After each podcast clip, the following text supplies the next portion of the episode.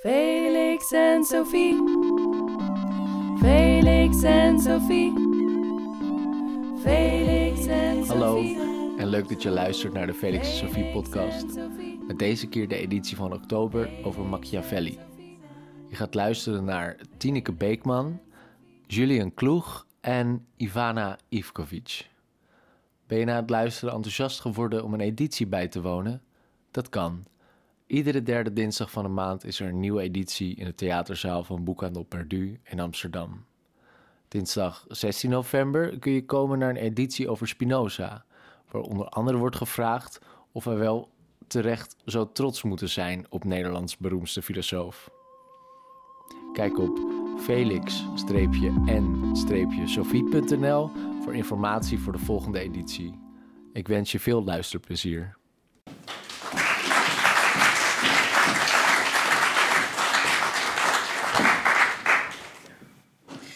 Dankjewel.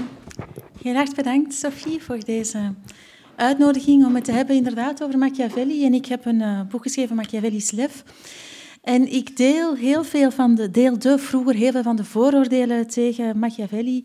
Ehm, en het is bij mij eigenlijk Spinoza, zoals ik het ook vertel in mijn boek, die mij op een ander spoor heeft gebracht. Ehm, Spinoza, die niet zo heel kwistig is met complimenten voor andere denkers, maar wel in zijn politiek traktaat Machiavelli beschrijft als een denker die veel gedaan heeft voor de vrijheid. En toen dacht ik, ja, misschien moet ik zijn werk toch ook eens op een andere manier lezen. En er zijn trouwens commentaren bij eh, Rousseau, honderd jaar later, en, en Diderot, Franse verlichtingsdenkers, die eh, helemaal in dezelfde richting gaan. Hè. Dus op het ogenblik dat denkers nadenken over de republiek en de vrijheid, speelt Machiavelli telkens een grote rol. Hij zal ook een invloed hebben op de founding fathers. eh, maar daar ga ik het, eh, de vrijheid komt straks eh, ook nog eh, aan bod.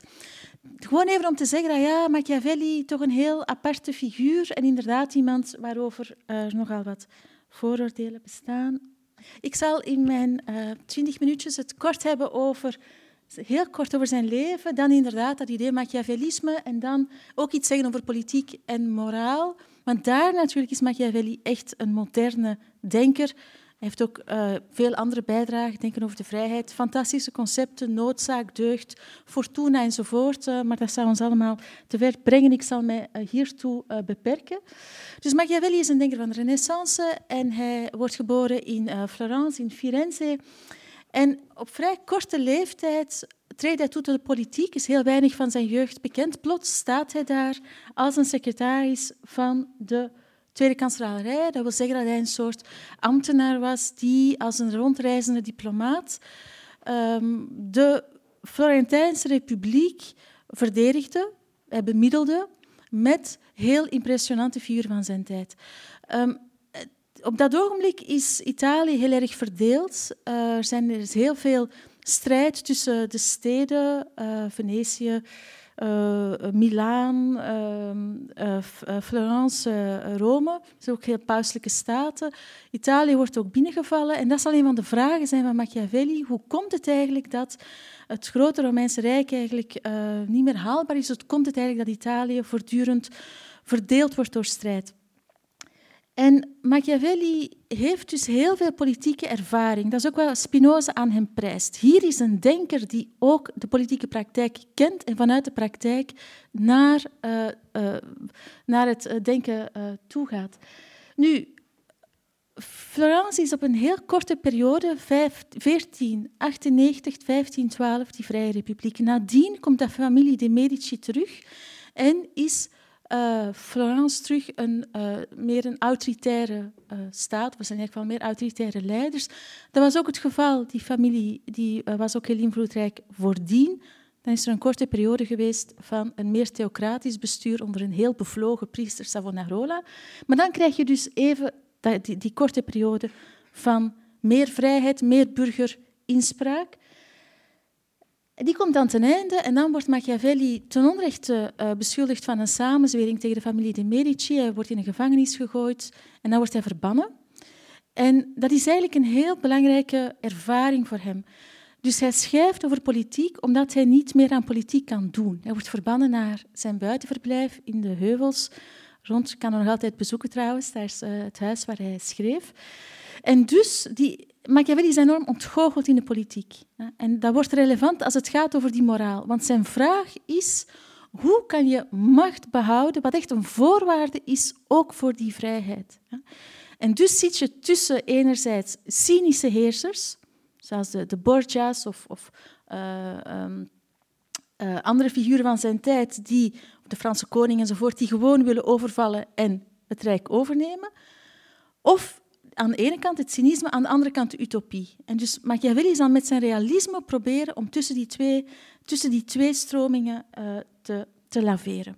Hij schrijft in Principe een soort, uh, een, misschien kunnen we het daar straks uh, nog over hebben, een, een soort sollicitatiebrief eigenlijk, om terug in de politiek te, kunnen, te kunnen treden. Een soort een brief van hem om te tonen aan de familie de Medici hoe, hoe goed hij politiek kende. Maar dat is eigenlijk ook een heel een heel uh, ambivalent werk, omdat hij tegelijkertijd heel sec, cru en hard toont hoe macht werkt. En dat is een heel andere stijl hanteert hij daarin dan de klassieke vorstenspiegels.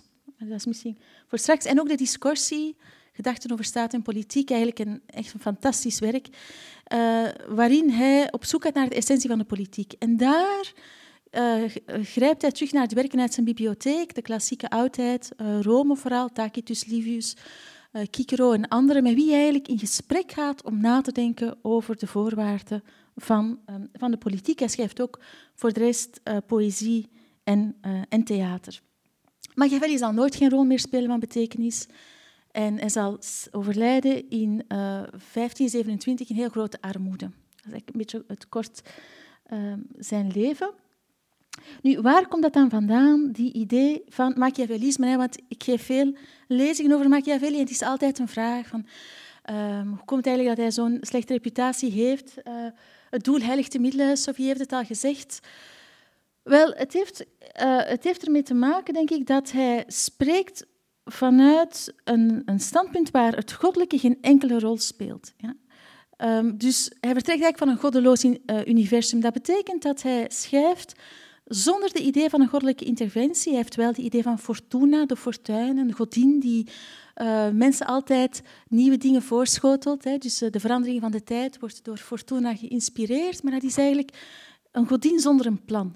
Machiavelli schrijft alsof de hele middeleeuwse periode, Thomas van Aquino enzovoort, die op dat moment zo centraal staat in het denken, eigenlijk gewoon niet relevant is. Dus hij grijpt terug naar een meer seculier denken, waar de idee van een goddelijke interventie eigenlijk, uh, of een, een, soort vanuit een plan of vanuit een, een schepping, uh, waar die idee helemaal uh, niet, niet het geval is. Hij heeft ook heel scherpe kritiek op de, op de kerk. Dus hij schrijft bijvoorbeeld in Il Principe over um, Paus Alexander VI, de vader van Cesare Borgia, dat hij iemand was die nooit iets deed zonder te liegen of te bedriegen. En hij schrijft ook in een discussie, eigenlijk heel, is enorm ja, gedegoûteerd, er is echt geen ander woord, door de praktijken van paus Julius II, die letterlijk uh, op zijn paard zat met een zwaard en ten strijde trok tegen Bologna of andere gebieden wanneer uh, mensen niet voldoende belastingen betaalden enzovoort. Dus echt de, de voortdurende interventie van het geweld um, door de kerk. En hij schrijft bijvoorbeeld over Julius II dat een beetje, beetje satirisch dat mensen de kans hebben gemist om die man te vermoorden, waarmee dat ze de mensheid wel een dienst zouden hebben uh, bewezen. Dus ik denk dat dat een enorme rol speelt in de hardheid waarmee hij daarover schrijft. Speelt een rol, denk ik, in zijn slechte reputatie. Zeker omdat in zijn tijd natuurlijk dat absoluut niet gedaan was uh, om op die manier te schrijven. Zijn werken verschijnen ook op de index van de verboden boeken, zodra die er is. heeft ook te maken met de hele protestantse afschuring natuurlijk. Hè. Dus het feit dat hij documenteert hoe dat veel van die pausen zich misdroegen, werd ook niet helemaal um, geapprecieerd. En dus werd zijn werk meteen verboden. Wat natuurlijk ook garandeerde dat iedereen van betekenis die wilde lezen. Hè. Dus uh, die index van de verboden boeken is echt een hele goede leeslijst. En um, dus ik denk, denk, dat dat de belangrijkste uh, elementen zijn. En als je kijkt naar de, de navolging van Machiavelli, zijn er altijd twee stromingen.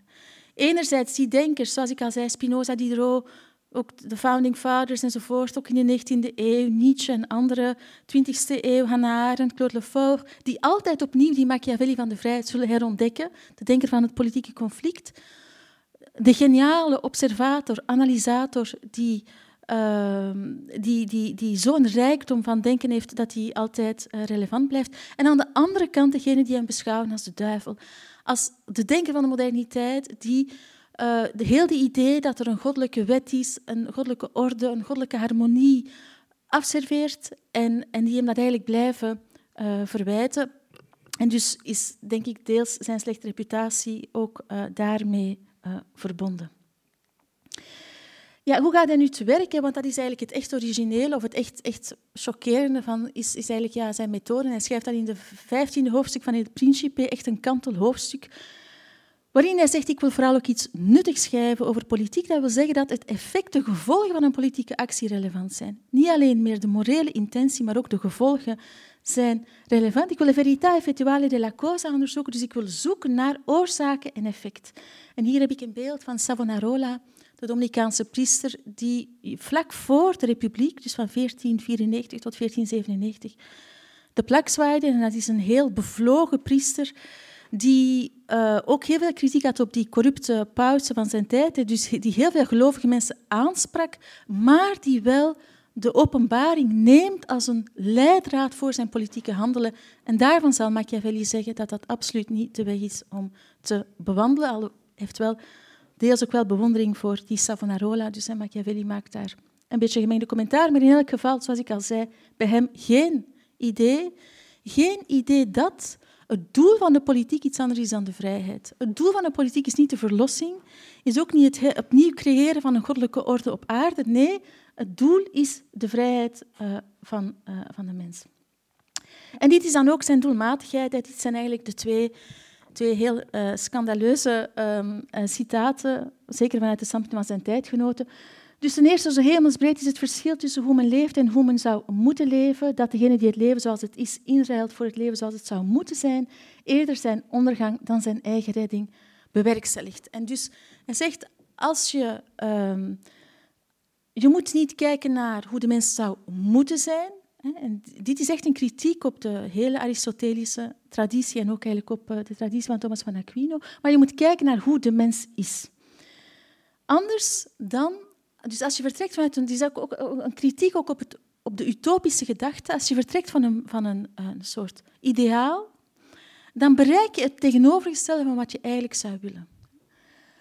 En ten tweede schrijft hij ook dat iemand die zich in elk opzicht goed wil betonen, onvermijdelijk ten gronde gaat te midden van velen die niet goed zijn. Ja, dus hier zitten we het dichtst, denk ik, bij die het doel heiligt uh, de middelen. En wat hij daarmee... Dit gaat voor mij precies over uh, de leider van de Florentijnse Republiek, de Confaloniere Soderini, die in de ogen van Machiavelli een goed man was, altijd het goede probeerde te doen, maar niet heeft kunnen verhinderen dat, er, uh, dat hij zelf van de macht werd verdreven.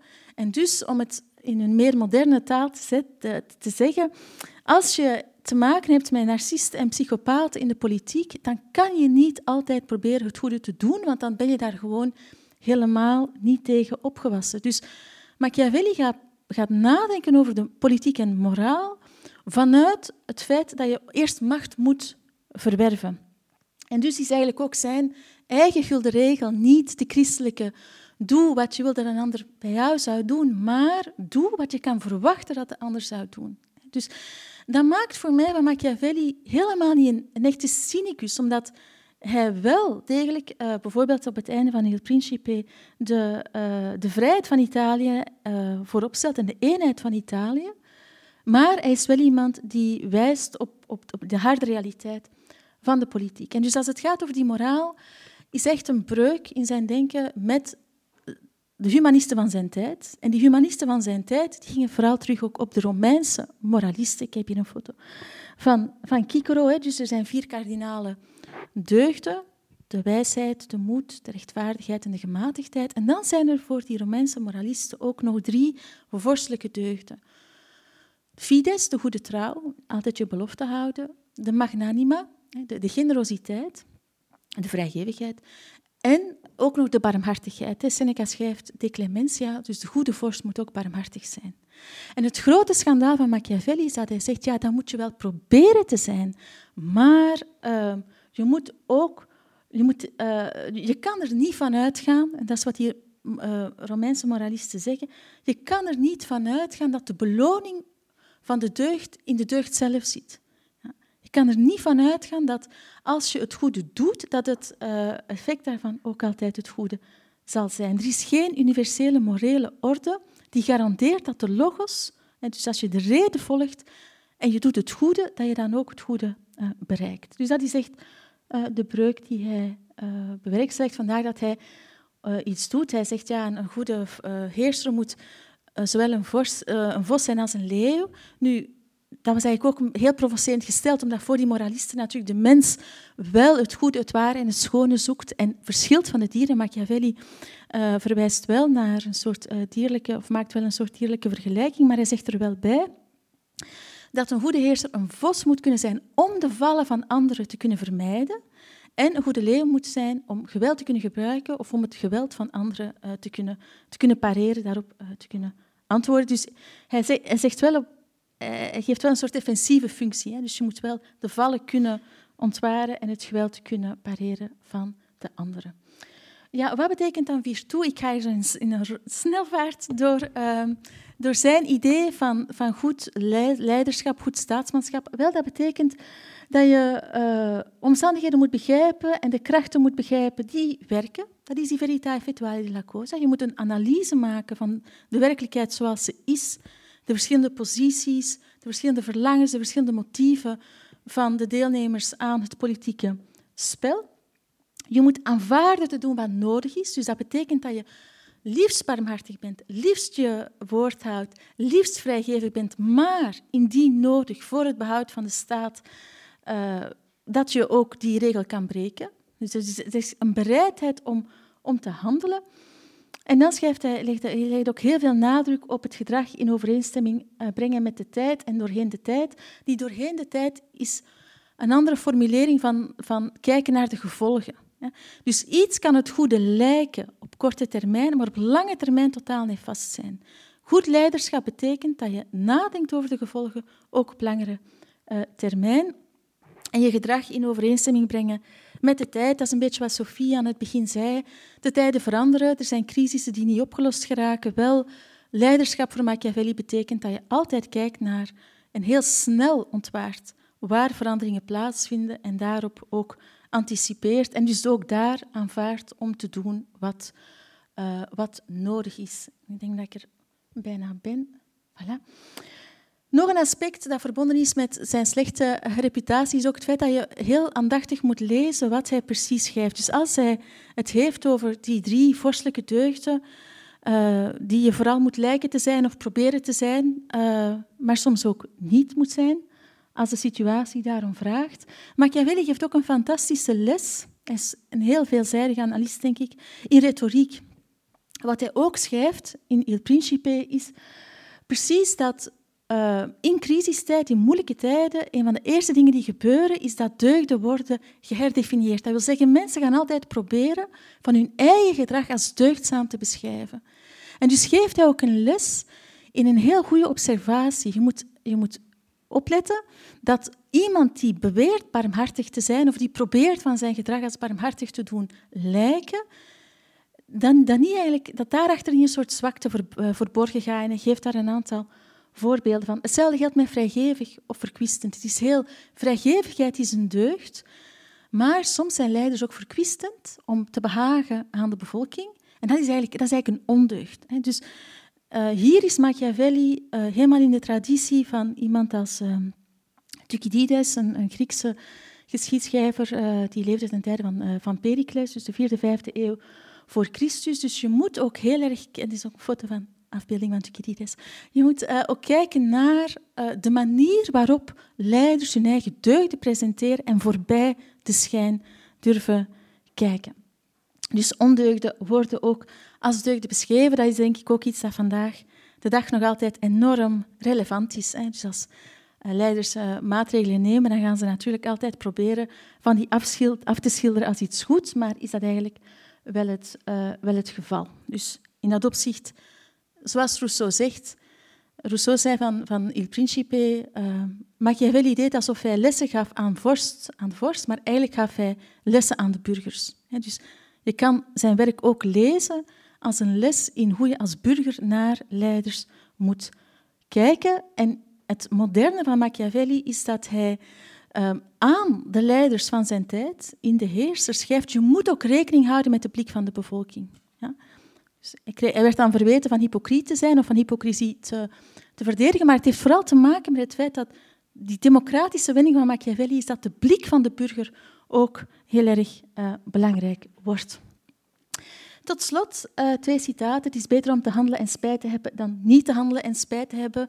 En dat typeert uh, Machiavelli helemaal. Dus hij is helemaal de man van, van de actie en de lef. Vandaar ook mijn boek Heet. En dan, Elke mens moet doen wat zijn geest hem ingeeft. En het doen met lef, dat is een citaat uit een van zijn brieven uit 1506 aan de reeds genoemde Soderini.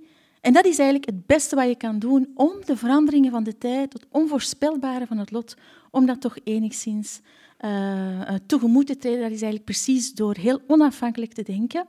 En dat is iets wat Machiavelli echt wel was. Hij schrijft, ik ga iets anders zeggen dan mijn voorgangers, hij heeft dat ook gedaan. Er wordt heel vaak gezegd van mensen, of mensen tegenwoordig, je moet eigenzinnig zijn. En zowel hier, Machiavelli was eigenzinnig op een manier dat heel weinig uh, denkers het uh, waren. En dus hij geeft dat ergens ook aan. Hè. Dus je moet eigenlijk doen wat je geest je ingeeft en het doen met lef. Dat is mijn, denk dat, ja, dat is mijn korte, mijn korte inleiding eigenlijk tot uh, Machiavelli en zijn visie op politiek en moraal. Dank u.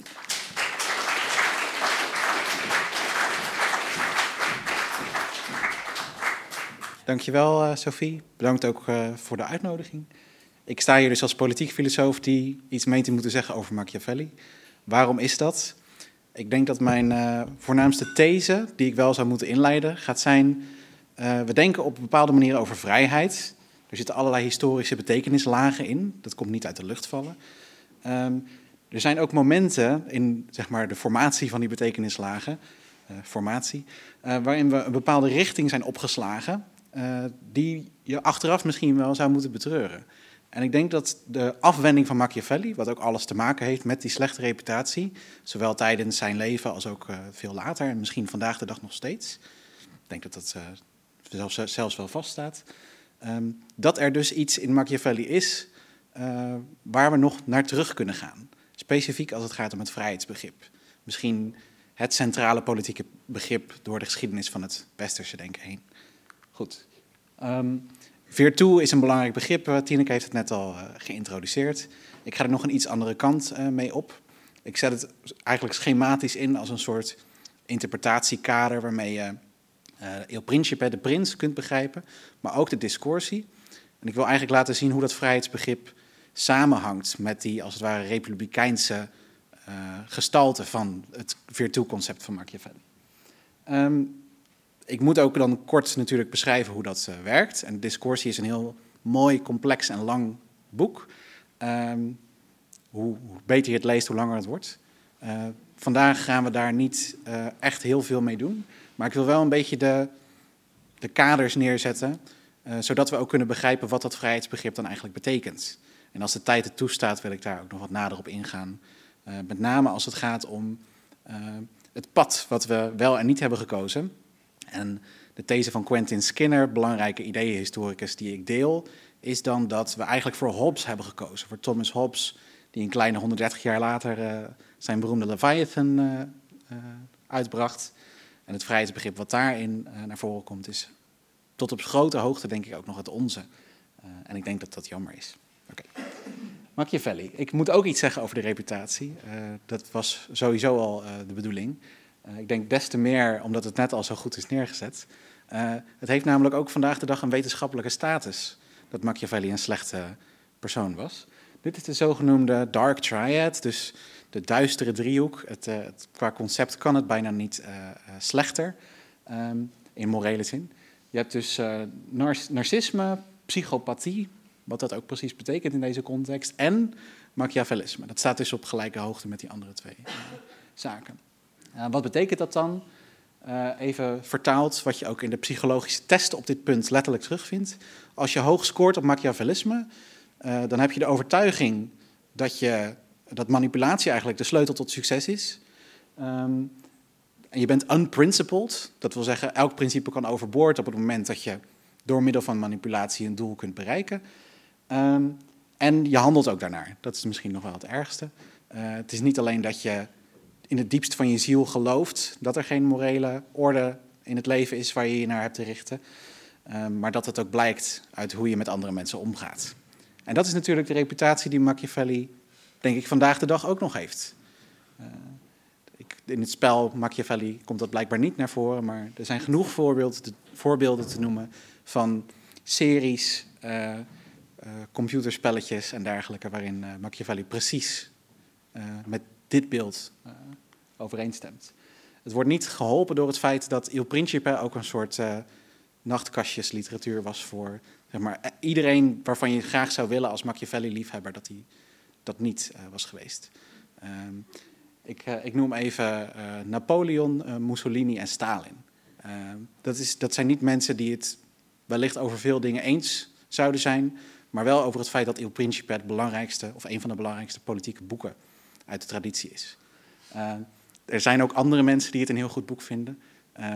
maar ook, ook hier heb je denk ik een, een element van waarom we zo over Machiavelli denken, zoals we dat vaak in eerste instantie geneigd zijn te doen. Um, dan zijn er ook nog academici die zich bij dit koor voegen. Leo Strauss in zijn boek over Machiavelli noemt hem een teacher of evil. En ik zou ook een hele lezing kunnen wijden aan een duiding daarvan, maar ik laat dat nu even terzijde. Machiavelli heeft ons iets uit te leggen. waarom is het dat, dat er zo, op zo'n gekleurde manier. En, en, ook een zeer, ja, alsof het een soort, alsof het een soort iemand was die zeg maar op één lijn staat met narcisten en psychopaten. Waarom wordt hij zo gelezen? Um, dat is denk ik in enige mate vanwege het Virtu-concept en wat hij daar allemaal mee doet. Um, en dat heeft alles te maken met het doorbreken van het, het, morele monopolie van met name de christelijke manier van eh, naar de wereld kijken. Dat is, dat is eigenlijk net al heel erg eh, goed neergezet. Um, wat ik nog hier even wil benadrukken is dat het woord virtu altijd onvertaald wordt gelaten. Machiavelli schrijft natuurlijk in het, in het Italiaans. Um, dat woord is een woord met een hele rijke geschiedenis, wat wij ook nu, nu, nog gebruiken. Bijvoorbeeld als we het hebben over virtue signaling. Hè? Virtue, deugd, morele deugd. Machiavelli gebruikt dat woord uh, de Italiaanse variant daarvan en geeft er een eigen draai aan. De oorspronkelijke betekenis is natuurlijk gewoon morele deugd. En het is afgeleid van de wortel veer, wat man betekent. Dus iemand die echt man is, die is moreel. En iemand die echt moreel is, die gedraagt zich eigenlijk als een echte man. Uh, dat, is het, dat is het Romeinse ideaal uh, waar het uitstamt. Um, de manier waarop Machiavelli het concept gebruikt is uiteindelijk ontleend aan de denker Boethius, misschien bekend als uh, schrijver van Vertroostingen van de filosofie. Iemand die uh, uh, uiteindelijk in de gevangenis stierf voor zijn overtuigingen. Um, wat, zegt, wat, zegt, deze Boethius namelijk over virtu, over virtus, over deugd? dat is de wijze waarop de goede man, dus nu nog de moreel goede man, vorm geeft aan Fortuna. En Fortuna is de godin uh, Fortuna is meer in het algemeen de kracht van het nieuwe of de kracht van het onzekere. Uh, dat kan zowel good luck als bad luck zijn, maar in ieder geval is het luck. En daarmee iets wat niet voorzienbaar, iets, uh, niet voorzienbaar is, iets wat niet te plannen is. Um, en het idee is dat je dat met deugd dus wel kan doen. Dus op het moment dat ik me moreel goed gedraag, dan vormt de wereld zich als het ware naar mijn plan. Um, Misschien uiteindelijk omdat het plan ook de goddelijke structuur van de werkelijkheid zelf is. Um, Desiderius Erasmus, de naamgever van mijn universiteit, en Thomas More, diens goede vriend, uh, die zetten het Romeinse discours hierover eigenlijk voort. Ook onder verwijzing naar uh, Cicero of Cicero. Uh, waar, waarlijke adel is deugdzaamheid. Dus niet afkomst bijvoorbeeld of rijkdom, maar deugdzaamheid. Dat is hun gezamenlijke morele project. En Utopia, ook uh, rond dezelfde tijd geschreven als uh, Il Principe van Thomas More. Dus Utopia, het boek van Thomas More. Uh, tijdgenoot van Machiavelli. die maakt eigenlijk een, heel, een hele samenleving op basis van het idee dat het morele deugd zou moeten zijn die de samenleving regeert en niet iets anders. Um, je, op een bepaalde manier is Machiavelli het daarmee eens, maar op een bepaalde manier ook zeker niet. Machiavelli uh, is het als het ware letterlijk eens met dit principe. Dus het zou moeten gaan om deugdzaamheid. En deugdzaamheid is het hoogste principe van de politiek. Maar dat is niet meer morele deugdzaamheid.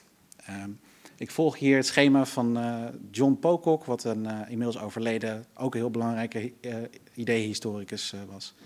En Machiavelli-kenner. Die zegt dat er twee betekenissen zijn van virtu in het oeuvre van Machiavelli. Ten eerste goed burgerschap in een vrije republiek. Dat heeft kennelijk iets met deugd in deze specifieke zin te maken. Um, maar ook uh, de strategie waar we hem beter van kennen, waar we het virtu-concept ook beter van kennen. Het idee dat je als een soort strateeg uh, in de positie van een prins, die heerst over een prinsdom, de schaakstukken op zo'n manier beweegt uh, dat je uiteindelijk wint en dat je ook blijft winnen.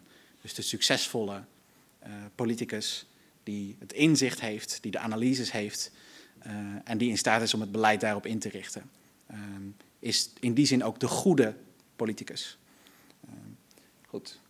Uh, ja, dit is dus wat ik net heb gezegd. Nog heel kort even over de prins, voordat ik naar de republiek uh, ga, naar de discoursie.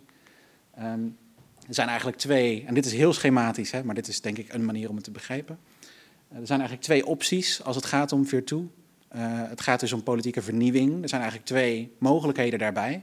Of er is nog niks, waarbij je dus orde moet opleggen aan een op, op zichzelf heel weerbarstige situatie, vol fortuna. Uh, de virtu in zo'n geval bestaat erin dat je legitimatie kunt opbouwen. En dat is bijvoorbeeld wat Mozes deed, zoals Machiavelli het beschrijft, de wetgever, uh, die voor het eerst principes formuleert waar vervolgens een heel rijk uit ontstaat. En dat zijn bij Machiavelli altijd een beetje quasi-mythologische figuren. Romulus uh, is een ander voorbeeld. En daarmee lijkt hij ook te willen zeggen, dat zijn wij niet. Dit is voor ons niet gegeven. Uh, wat is ons dan wel gegeven?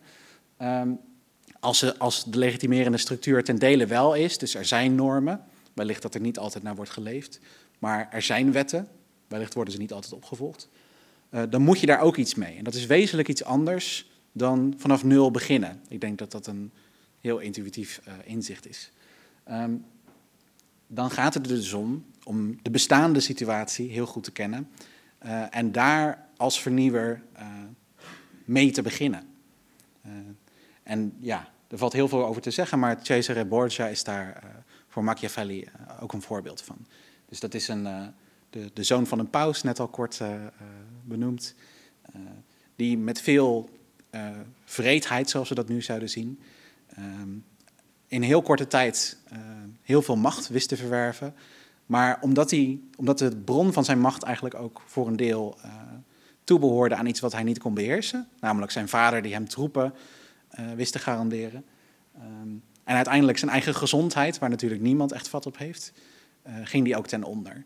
En de les hiervan lijkt ook te zijn, zelfs als je een heleboel dingen heel goed doet, is het echt heel moeilijk om de situatie dusdanig goed te kennen en op zo'n strategische wijze eigenlijk te handelen, dat je succes blijvend is. En zoals Machiavelli kunt, dat zou zeggen, dat je de staat kan, dat wil zeggen je eigen positie binnen die staat kan behouden. Mantenere lo Stato heet het dan in veel mooier Italiaans dan Nederlands. Oké, we lijken nu zo ver van het republikeinisme en denken over vrijheid af te zitten als je zou kunnen zijn.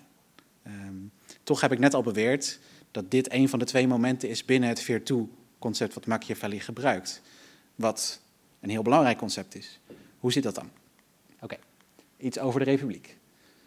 Um, een van de uitgangspunten, wat ook een beetje samenhangt met de blik vanuit het volk, eh, de blik vanuit de heerser. Um, alle groepen binnen de stad uh, hebben een, een, een bepaalde claim op heerschappij. Uh, dus ze maken allemaal deel uit van het, het, het, openbare leven binnen, binnen de stad of binnen de republiek. Uh, en hebben daar ook allemaal een legitieme plaats. Uh, wat moet je daarmee? Het is niet zo dat Machiavelli zegt: Ik heb hier een moreel principe dat iedereen als onderdeel van het volk gehoord zou moeten worden en dat we daarom nu een democratie gaan inrichten. Dat is niet wat hij zegt. Hij zegt: De beste manier om tot een stabiele staat te komen is de inzichten van iedereen mee te nemen in de manier waarop wetten tot stand komen. Uh, dat is dus niet nogmaals omdat er een soort uh, plicht is uh, of, of een soort volkssoevereiniteit. waar het om gaat is dat je op die manier een compromis kunt sluiten waar iedereen maximaal tevreden mee is binnen de gegeven omstandigheden. Ehm, en het idee is, hij hangt dit op aan een historische bespreking door, door Tacitus van de Romeinse Republiek. Het idee is dat wat Machiavelli hier eigenlijk, uh, de strategie die Machiavelli hier eigenlijk uh, volvoert, is een soort ideaal van Rome formuleren, wat dan kan dienen als tegenbeeld voor het Florence van zijn tijd, waarbij hij zichzelf ook beroept op de traditie waar Florence zelf ook in staat. Dus het is tegelijkertijd een soort idee van, dit is wie we nu niet zijn, maar ook wie we zouden moeten zijn en wie we eigenlijk zijn vanuit onze historische achtergrond.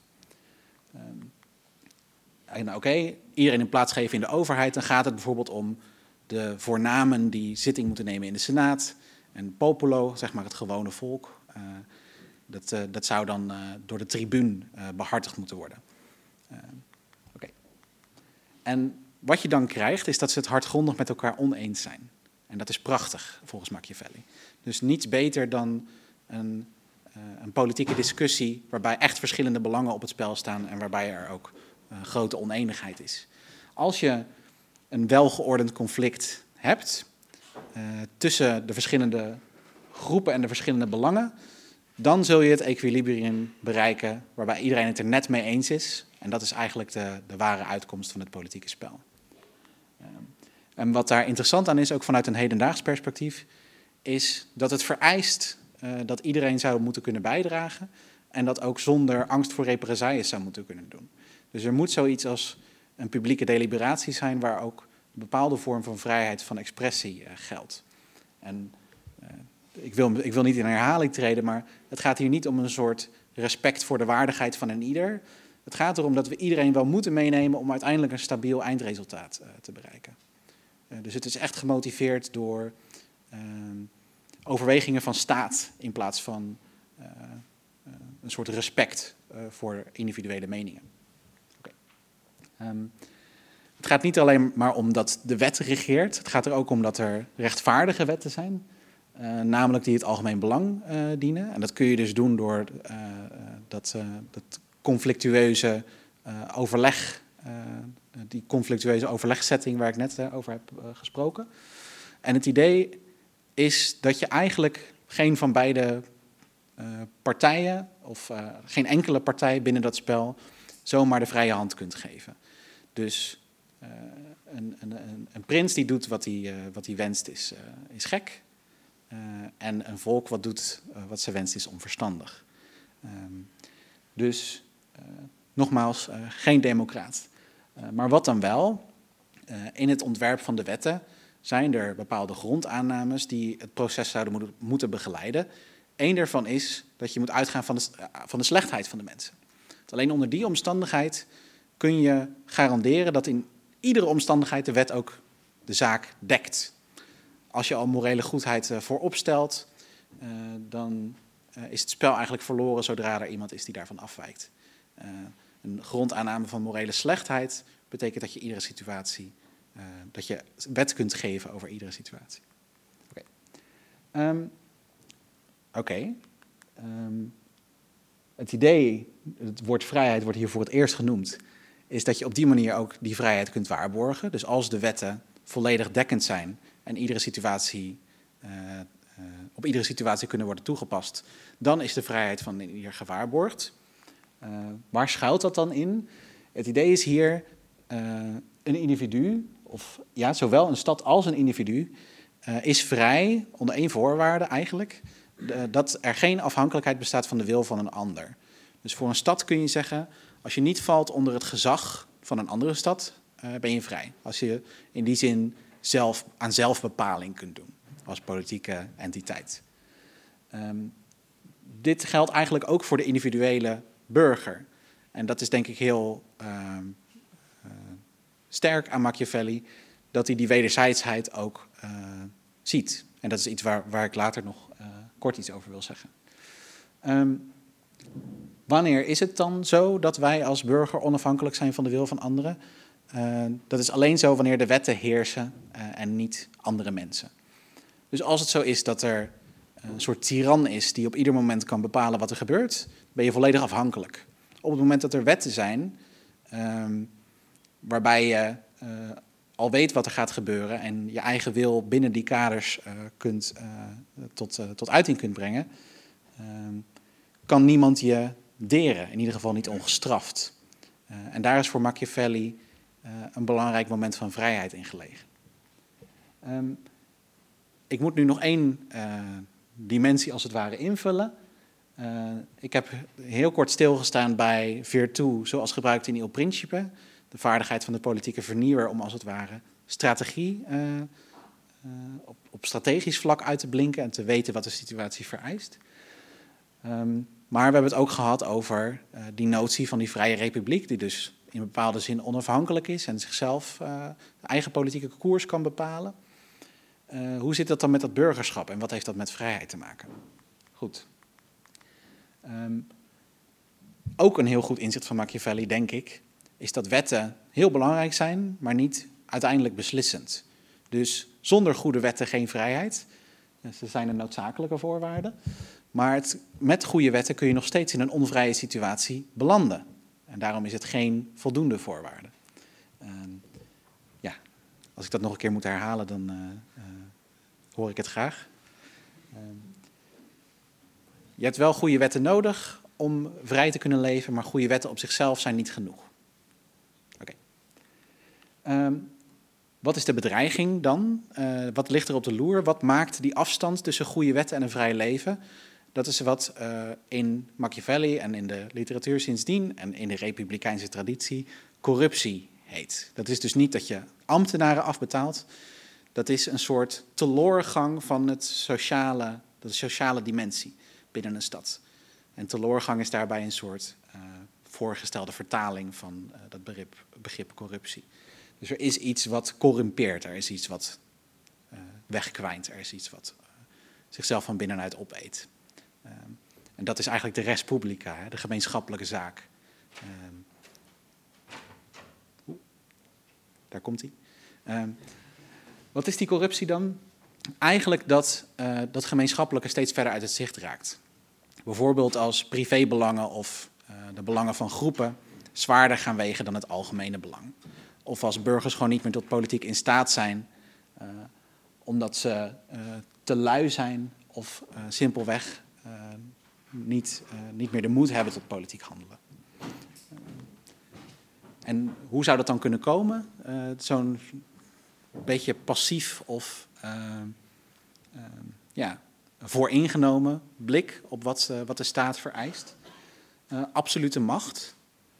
Iemand die zeg maar heel erg goed heeft opgelet tot nu toe, die denkt van was het niet de voorstander van heerschappij door een prins? in zekere mate. Uh, ik ga voor u die puzzel niet helemaal oplossen. Maar hij zegt dat wanneer je een eenling hebt die heerst, dat het eigenlijk een soort passieve houding aanleert, waarbij je alleen nog maar hoeft te luisteren naar wat de bedoeling is.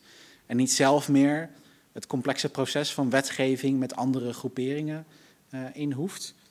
en in die zin is een situatie waarin er absolute macht is voor de enige partij slecht voor het politieke leven van de stad. Uh, dat geldt ook voor overgrote rijkdom. Ik vind het moeilijk om hierin geen kritiek op de Medici uh, te zien, uh, die extreem rijk waren. Oké, daar zouden we ook nog lang over kunnen praten. En het christendom.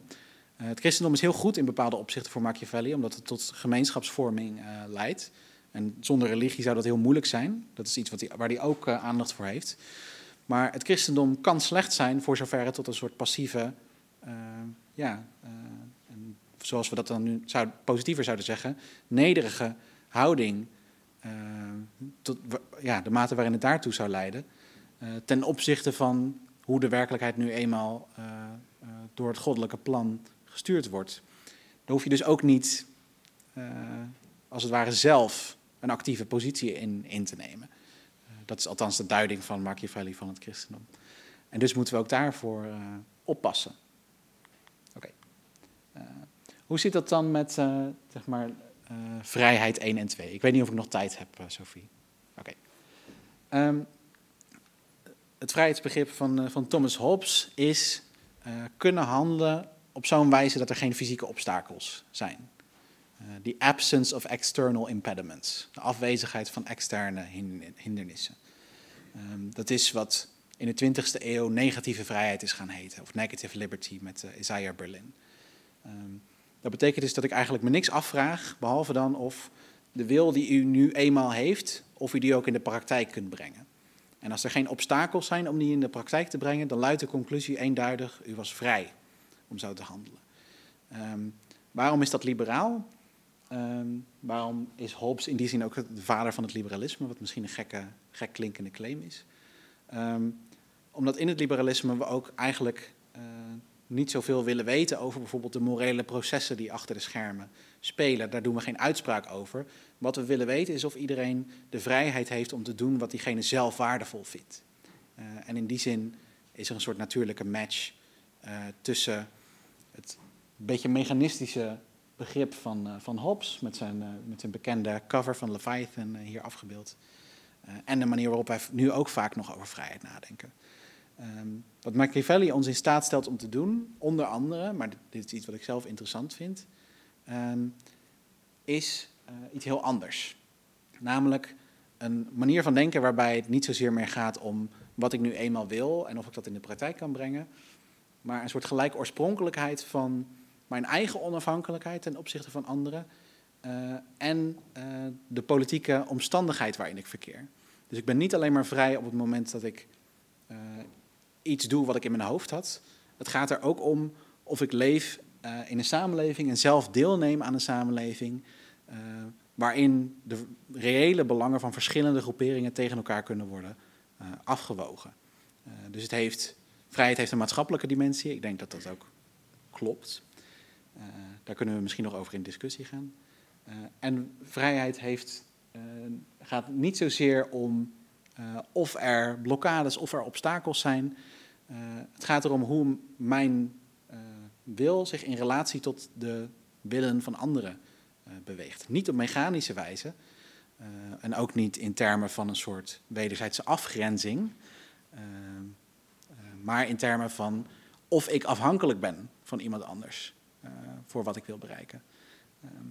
en als je dat als het ware als een soort netwerk voor je ziet van afhankelijke en onafhankelijke willen, dan kom je denk ik ook al heel snel op het maatschappelijke niveau. Dus dat is een, uh, dat is een, een, een puzzel die uh, bij Machiavelli op een ingrijpende wijze wordt gelegd. Waar die, ja, tot voor kort zou ik eigenlijk zeggen, weinig krediet voor heeft gekregen. maar die denk ik voor ons en voor, voor de, de, de nabije toekomst, denk ik heel belangrijk kan zijn. Corruptie kan niet door middel van wetten worden bevochten. Dus corruptie is een van de toestanden van onvrijheid, een maatschappelijke toestand van onvrijheid, omdat daarin bepaalde belangen gaan overheersen en het algemene belang uit het zicht raakt. Uh, waarom zou het dan zo zijn dat wetten daar geen uh, oplossing voor bieden? Heel simpel. Je kunt alle wetten hebben die je wil, maar als ze niet gevolgd worden, als ze niet gehoorzaamd worden, als ze niet meer leidend zijn voor het politieke bestuur, omdat niemand er meer een actieve herinnering aan heeft bijvoorbeeld, uh, dan kom je nergens. Het duurde even voordat de grap uh, landde. Um, maar wat moeten we daar dan mee? Vraag 1, en die ga ik nu ook niet beantwoorden, uh, maar daar kunnen we het later over hebben. Um, in de discussie heb je heel veel legal niceties, dus heel veel reflecties op hoe een wet op een evenwichtige en rechtvaardige manier tot stand zou moeten komen. In de Prins uh, gebeuren dingen als uh, Borgia stelt een politiecommissaris aan omdat hij een vrede reputatie heeft. Vervolgens houdt die huis en vinden de inwoners van Perugia, waar dit gebeurt, de, de, commissaris vervolgens op twee helften van het marktplein. Die is in tweeën gehakt door Borgia, waarmee twee boodschappen ineens heel duidelijk zijn. Wie er echt de baas is en dat je diegene maar beter te vriend kunt houden. Dat is een heel effectieve manier van bestuur. Uh, maar hoe die twee met elkaar te rijmen? En dat is een serieuze vraag. Um, en ik heb, daar wel, ik heb daar wel iets over te zeggen, maar dat, dat, dat is een blijvend uh, debat, denk ik. Um, ten tweede als we nu dit vrijheidsbegrip van Machiavelli in ons achterhoofd houden en gaan nadenken over hoe je de verschillende instituties dan zou moeten inrichten, ehm, en ook hoe we misschien nu democratie wat belangrijker vinden dan Machiavelli zelf het vond, en wat dat weer voor gevolgen heeft, in wat voor maatschappij leven we dan? Uh, ik denk zelf in een heel ander soort maatschappij. Uh. Ja, dit hoeft allemaal niet. Ik dank u voor uw aandacht.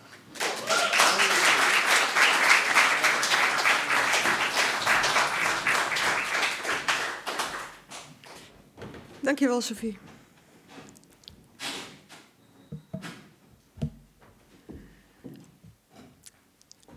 Ik moet iets bekennen. U, weet dat er vrouwen zijn die vallen op foute mannen. Zo wil het cliché. Ik heb een enorme zwak voor foute politiek. En niet voor foute politici, let wel. Gelukkig niet, nee, dat lijkt me een verzoeking. Nee, nee, nee, nee. Ik, uh, ik heb een persoonlijke fascinatie als politiek filosoof voor uh, die momenten in politiek waar het spel niet heel erg netjes wordt gespeeld. En daarmee bedoel ik niet elk willekeurig schandaaltje. Maar wel momenten waar je wordt verrast. Waar je denkt, oeh, die komt in een benarde positie en kijk, hij glibbert zich eruit. En hoe doet hij dat? Waarom, waarom is hij niet afgegaan? Waarom, waarom wint hij stemmen? Wat is hier eigenlijk gebeurd? Waarom loopt dit conflict zo hopeloos vast? Waarom komen partijen hier niet uit? Of waarom komt er tamelijk onverwacht een ondergang van een zittende politicus? Waarom verspeelt iemand zijn macht? En ik heb het idee dat wij vanuit onze gebruikelijke opvatting van politiek niet altijd hier heel goed bij kunnen om onszelf uit te leggen wat er gebeurt en waarom dat gebeurt. We zijn dan een beetje paf, verbaasd. Trump heeft verkiezingen gewonnen. Hoe heeft hij dat godsnaam? Zijn ze helemaal gek geworden? Ja, dat. Dat betekent dat wij eigenlijk op een bepaalde manier nadenken over politiek, bepaalde verwachtingen hebben. Nou, soms kloppen onze verwachtingen niet of kloppen de verwachtingen van de spelers in dat veld niet. En dan gebeuren interessante dingen. Nou, daar gaat mijn hartje sneller van kloppen.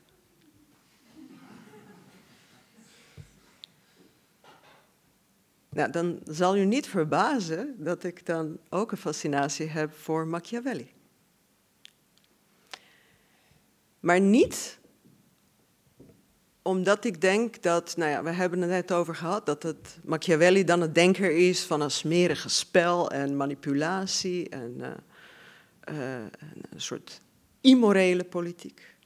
Nee, omdat ik denk dat achter deze gebeurtenissen ligt iets op wat ons vertelt hoe politieke spel in elkaar steekt.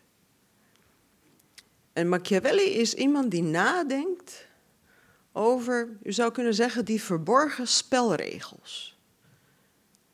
Die ons ook een andere taal geeft om dit soort gebeurtenissen te duiden. Om te proberen erachter te komen, ja, waarom blijft iemand in zijn positie? Waarom verspeelt iemand anders zijn positie?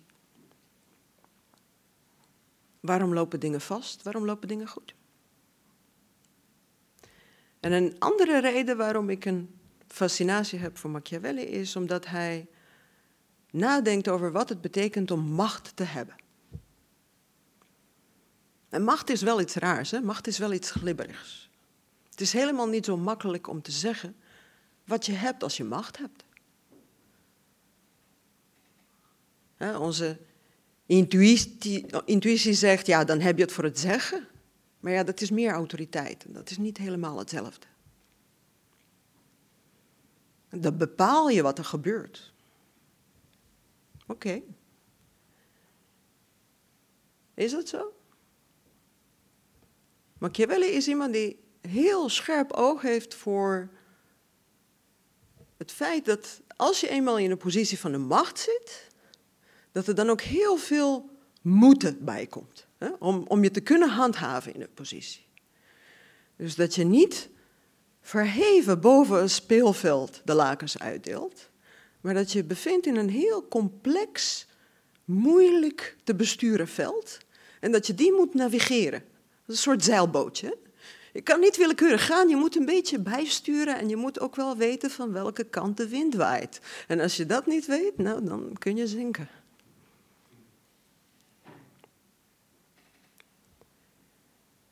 En dat is denk ik iets wat wij wel al gauw vergeten, of misschien ook willen vergeten, als wij praten over politiek zoals die zou moeten zijn, over idealen en normen en democratie en waarden.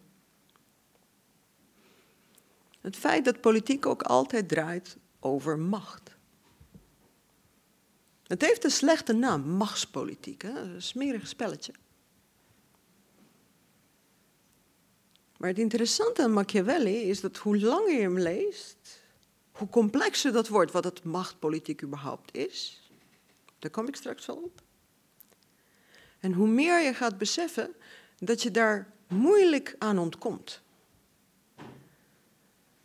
Een soort hele simplistische opvatting is dat je manipulatie hebt aan de ene kant, hè, daar hebben we net gehoord, dat Machiavellisme en, en, en wat was het, uh, narcisme en, en, uh, en, en wat was het derde? Psychopathie, wauw. Oké, smerige spelletjes, open kaart spelen. Dus dit is een strategie en open kaart spelen is geen strategie? Nee, zou je zeggen met Machiavelli. Open kaart spelen is politiek ook een strategie. Het is gewoon een andere strategie. Er is niet iets wat zich aan het spel onttrekt, omdat we nu eenmaal dingen voor elkaar moeten krijgen. Open kaart spelen is ook een strategie. Er zijn er nog meer. Smieren, dat is uh, manipuleren door open kaart te spelen. Dat is een strategie voor gevorderden. Er zijn ook oneindig veel variaties hierop. En dat is iets wat ik wel fascinerend vind. Dat je, ook al zou je het willen, niet helemaal ontsnapt aan het feit dat politiek draait over macht hebben en macht houden. Dus dat onze indeling in smerige spelletjes en nette politiek zoals het hoort, die is gebaseerd op een veronderstelling die misschien niet die realiteit heeft die Machiavelli wil onderzoeken. Dat is maar een soort eilandje. Die nette politiek kan je voeren zolang dat gaat. En er is wellicht een punt dat je dat niet meer kan veroorloven. Ja, dan komt een punt dat je kan zinken. Of een ander spel kan spelen. Of anders spel kan spelen. En dat is denk ik iets wat je nu wel heel vaak ziet in onze hedendaagse botsingen, bijvoorbeeld in de geopolitiek. Er is, uh, er is begin dit jaar een uh, heel interessant boek geschreven door uh, Hans Kribbe. Ik weet niet of u hem kent. Hij was, hij was een van de Bolkestein-jongens. Hij is eigenlijk in, bij Europese Commissie gaan werken ten tijde dat Bolkestein eurocommissaris was. En hij was dan eigenlijk zijn adviseur. Daarna is hij naar Rusland vertrokken als communicatieadviseur vanuit de Europese Unie. En daar is hij zo'n tien jaar gebleven, zo ongeveer tot en met de hele crisis in Oekraïne. En die ontwikkeling van de crisis in Oekraïne was een moment dat er de relatie tussen de Europese Unie en Rusland spaak liep.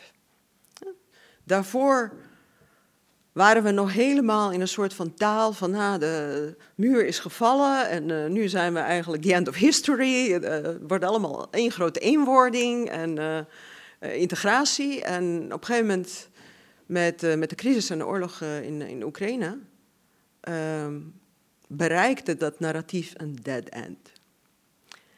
En hij schreef dat boek eigenlijk als een analyse van zijn inzichten in machtspolitiek en de verhoudingen tussen Europese Unie en Rusland. Juist omdat tijdens de crisis dat gesprek spaak liep. Het verhaal van de Europese Unie die vertelde dat ze voert een politiek van regels, een politiek van unificatie, een universele politiek waarin alleen maar winnaars zijn, die zich stuk beet eigenlijk op, uh, op het perceptie van, uh, uh, van Rusland dat de Europese Unie, met name tijdens 2014, het begin van, van het conflict in Oekraïne, zich mengde in haar invloedszone.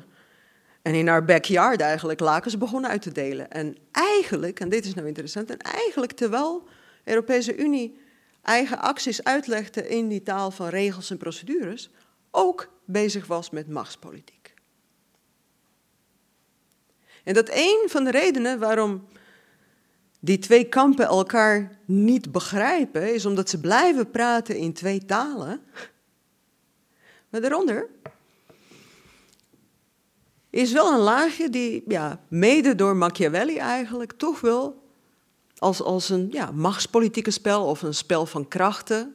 Hij noemt het strongman, politici die uh, krachtpolitiek bedrijven. Um, die eigenlijk het huidige geopolitiek dicteert, want uh, ook China spreekt die taal. Um, en, uh, en Rusland spreekt zeker die taal. Um, en Europa, en dat is nou eigenlijk een soort Machiavellistische analyse, door die taal niet te willen spreken, zet zichzelf klem. Kan eigenlijk niet goed uitleggen wat Europa aan het doen is. Kan eigenlijk niet vrij navigeren in het spel. Kan eigenlijk het spel niet vrij spelen. Terwijl het onvermijdelijk is dat Europa ook eigen belangen beschermt en een soort uh, bepaalde invloedssfeer uh, wil uitbreiden, et cetera, et cetera. En dat vind ik wel interessant, dat je, ook al zou je oprechte intentie zijn om niet dat machtspolitieke spel te spelen, er is iets in de politiek waardoor je daar niet helemaal aan ontkomt. Het kan hoogstens zo'n soort machiavellistische analyse zijn onder water gaan, waar je het niet goed ziet en niet goed kan duiden en op een bepaalde manier ontkent. Waardoor je uiteindelijk jezelf beperkt. Nou, dat is een mogelijke manier om die hele analyse van Machiavelli over de verhouding van politiek en moraal te lezen. Dat er eigenlijk uh, politiek bepaalde spelregels zijn en als je die niet volgt, dan ga je ten onder. En moraal is eigenlijk een laag dat je erop kunt bouwen onder bepaalde voorwaarden of niet. Dat vind ik wel interessant, want het draait ook een aantal veronderstellingen die wij hebben over wat goede politiek is, slechte politiek is. Als we het bijvoorbeeld hebben over populisme. Ik denk dat hier iedereen over eens is dat populistische politiek eigenlijk een slechte vorm van politiek is. Politiek van het onderbuik. En we moeten elkaar meer aanspreken als redelijke wezens, niet op die lage emoties. Machiavelli is iemand die zich acuut bewust is van het feit dat je hoe dan ook een bepaalde steun moet mobiliseren, anders kun je je niet handhaven. En dat is waar Machiavelli ook als denker, vind ik, heel spannend wordt. Hè? Dat er aan de ene kant, ja, er zijn bepaalde spelletjes die je moet spelen, dat klopt.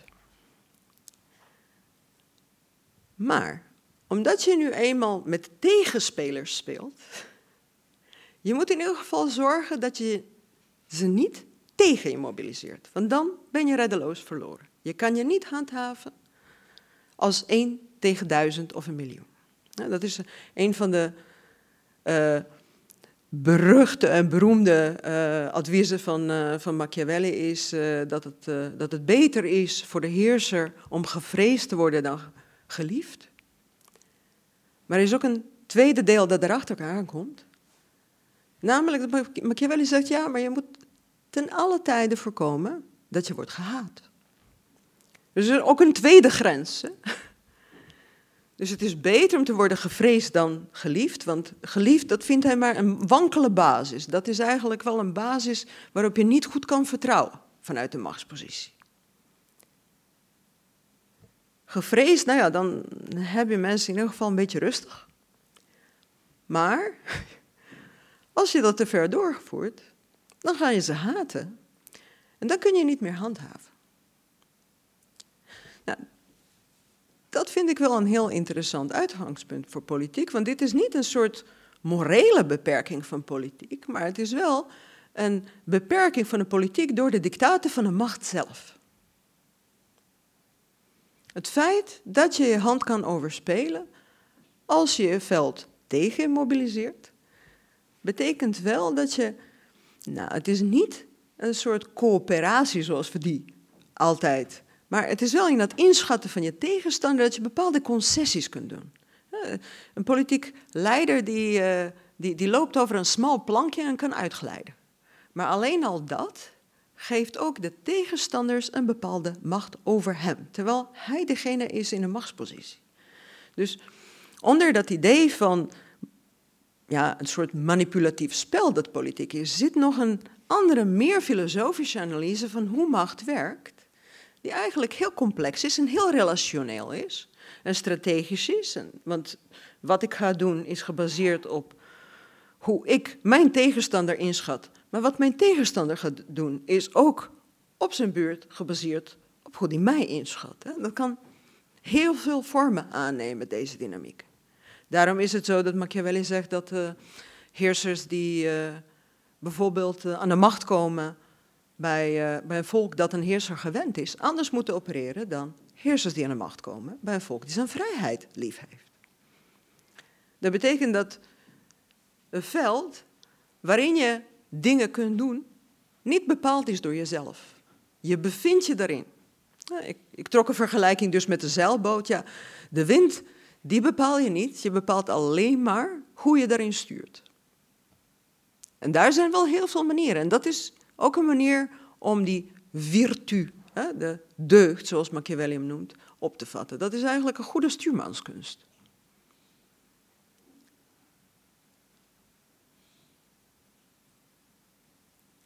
Terug naar populisme.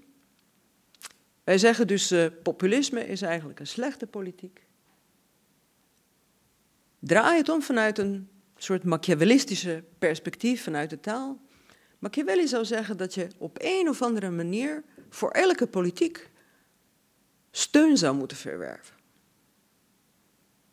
Of in ieder geval geen vijandschap. Op het moment dat je die directe vijandschap genereert, gaat het niet werken opent een heel andere manier om na te denken over politiek die we doorgaans bijvoorbeeld onderdrukkend vinden. In hoeverre is dat onderdrukkend? In hoeverre is het toch impliciet nog steeds een soort steun, al is het heel passieve steun, of geen protest, die het mogelijk maakt dat het werkt?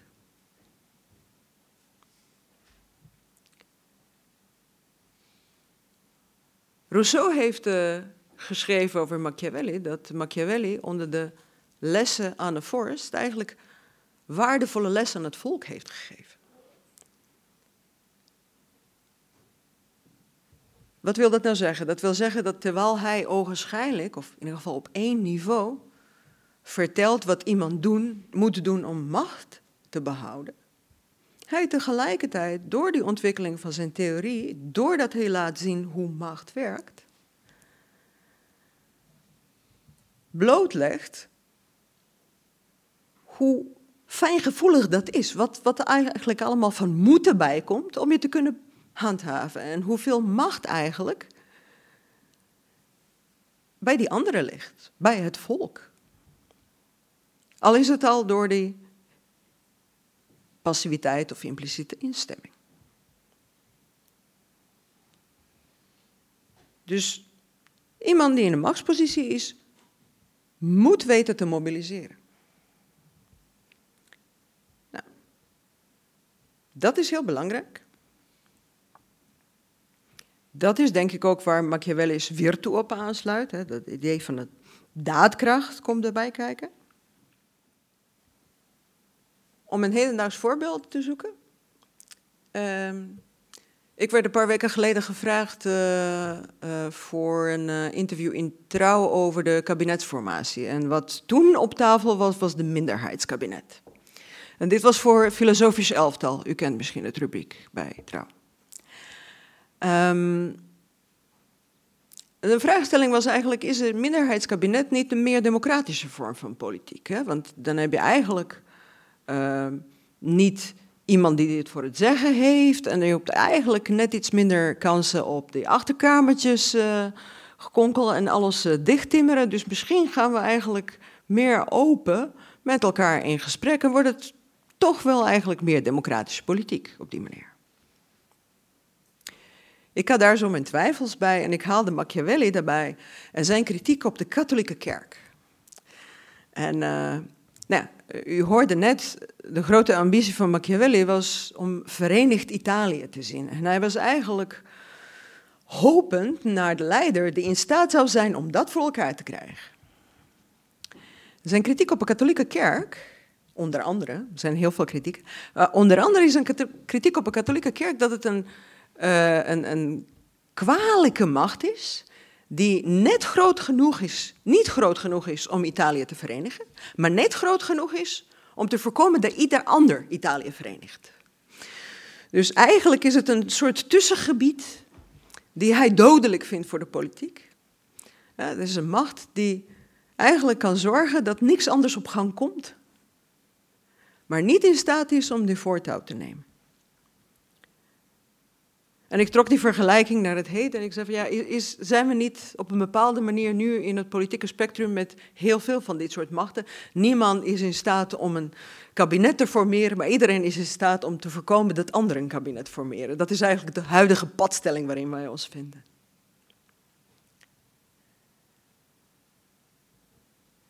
Daarom vindt Machiavelli het belangrijk dat er daadkracht is, dat er dingen in beweging kunnen komen. Want dit soort uh, ja, dode, dode zeezones in de politiek zijn eigenlijk zones waarin eigenlijk geen vernieuwing is, waarin eigenlijk geen mogelijkheid is om, om uh, een soort nieuwe grote plannen te ontwikkelen, geen mogelijkheid is om. Uh, eigenlijk is het ook niet eens stabiliteit. Het is een soort slechte, slechte broertje van de stabiliteit. Luwte. Nou. Om al die manieren eigenlijk. Als ik praat over fenomenologie van de macht. Wat bedoel ik daarmee? Ja, dan bedoel ik dus die analyse van Machiavelli die achter dat manipulatieve kant van de politiek, de machtspolitiek zoals we het in het alledaagse taalgebruik bedoelen, de dynamiek van de macht probeert te ontwaren en ook probeert te begrijpen hoe de dynamiek van de macht politieke spel stuurt, politieke dictaten oplegt aan degene die de voortouw wil nemen. En ook dus een bepaalde ruimte geeft aan al diegenen die eraan zijn onderworpen. Dit is dus een andere dimensie van Machiavelli. Hè? Eigenlijk totaal het omgekeerde dan die psychologische analyse van Machiavelli, die hem helemaal in die manipulatieve hoek duwt. En er zijn naast Rousseau nog andere mensen die hem zo interpreteren. Uh, de Franse denker Merleau-Ponty onder andere. Hij uh, vond dat Machiavelli eigenlijk een, uh, een denker is die de macht van de machteloze probeert te denken. Omdat hij op een heel andere manier de machtsdynamiek analyseert dan het gebruikelijk is binnen filosofie.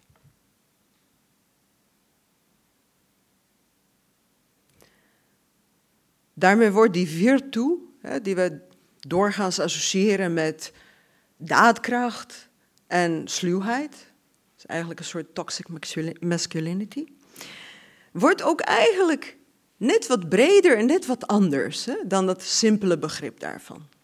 En ik denk dat je dit soort dingen ook in Machiavelli vindt.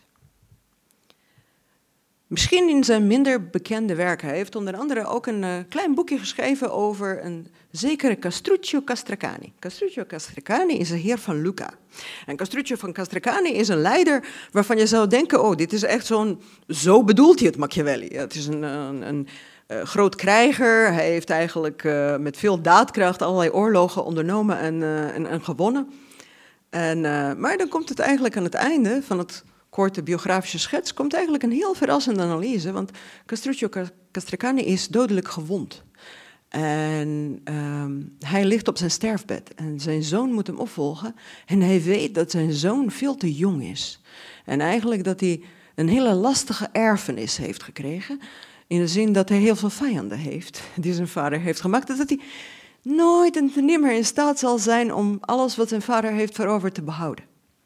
En zo heb je eigenlijk vanuit het idee van de continuïteit en de duurzaamheid en stabiliteit een heel andere logica die daarin komt kijken. Dan alleen maar die logica van de daadkracht en de daad stellen en tanden laten zien en met vuist op tafel slaan. En ik vind die rijkdom bij Machiavelli vind ik heel intrigerend ook als filosoof. Dat jij dus, zodra wij praten over politieke spel, dan hebben we inderdaad een soort heel nauw begrip daarvan. Maar zodra je Machiavelli induikt, dan kan je ook allerlei andere, meer complexe kanten daarvan ontdekken. Uh, en, en ook mogelijkheden om na te denken van wat het is dat een macht een brede basis geeft. Uh, vanuit die materialiteit van politiek. En niet vanuit een bepaalde ideaal van democratische politiek of deling van macht of fair play. En dat, kortom, vind ik, uh, vind ik een van de, van de heel interessante dingen. En nogmaals, dit begint eigenlijk met de fascinatie voor de foute politiek. Daar doe ik niks van af. Maar ik denk dat je met Machiavelli ook onder foute politiek een bepaalde mechanismen kan ontdekken. Die politiek een heel stuk minder fout maken. Of in ieder geval die, die foute kant heel complex maken. En heel andere en soms tegengestelde aspecten erin ontdekken. Nog tot slot, dan sluit ik af. Um, er is net een, uh, uh, ook een, een uh, vergelijking getrokken, of eigenlijk een contrast tussen de Machiavelli in, van de Heerser en Machiavelli van die andere grote werk, Discorsi. En dat is inderdaad heel vaak hoe we hem opvatten. Aan de ene kant is het dus een boek met adviezen van hoe je macht moet grijpen en behouden. Aan de andere kant is het een boek die veel meer onderzoekt, um, nou toch op een bepaalde manier hoe het politiek zou moeten zijn idealiter wat de voorwaarden zijn van een goede politiek. Dat wel.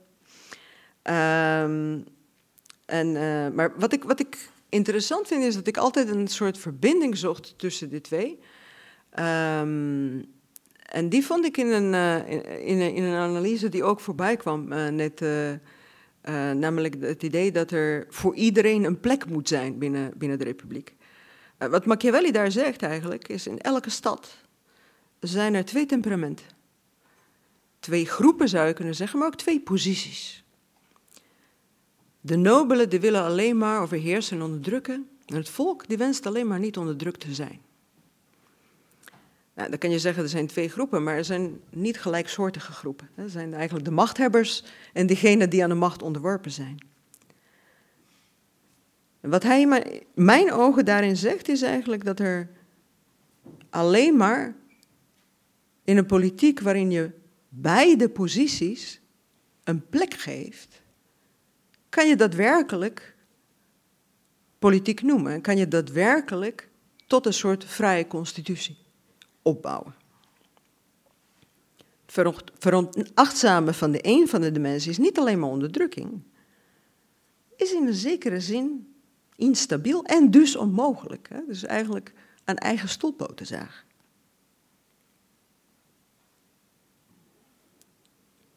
Op een bepaalde manier kom je dus vanuit een beschouwing van een foute politiek tot iets van een impliciete macht van het volk. Daarmee ga ik afsluiten.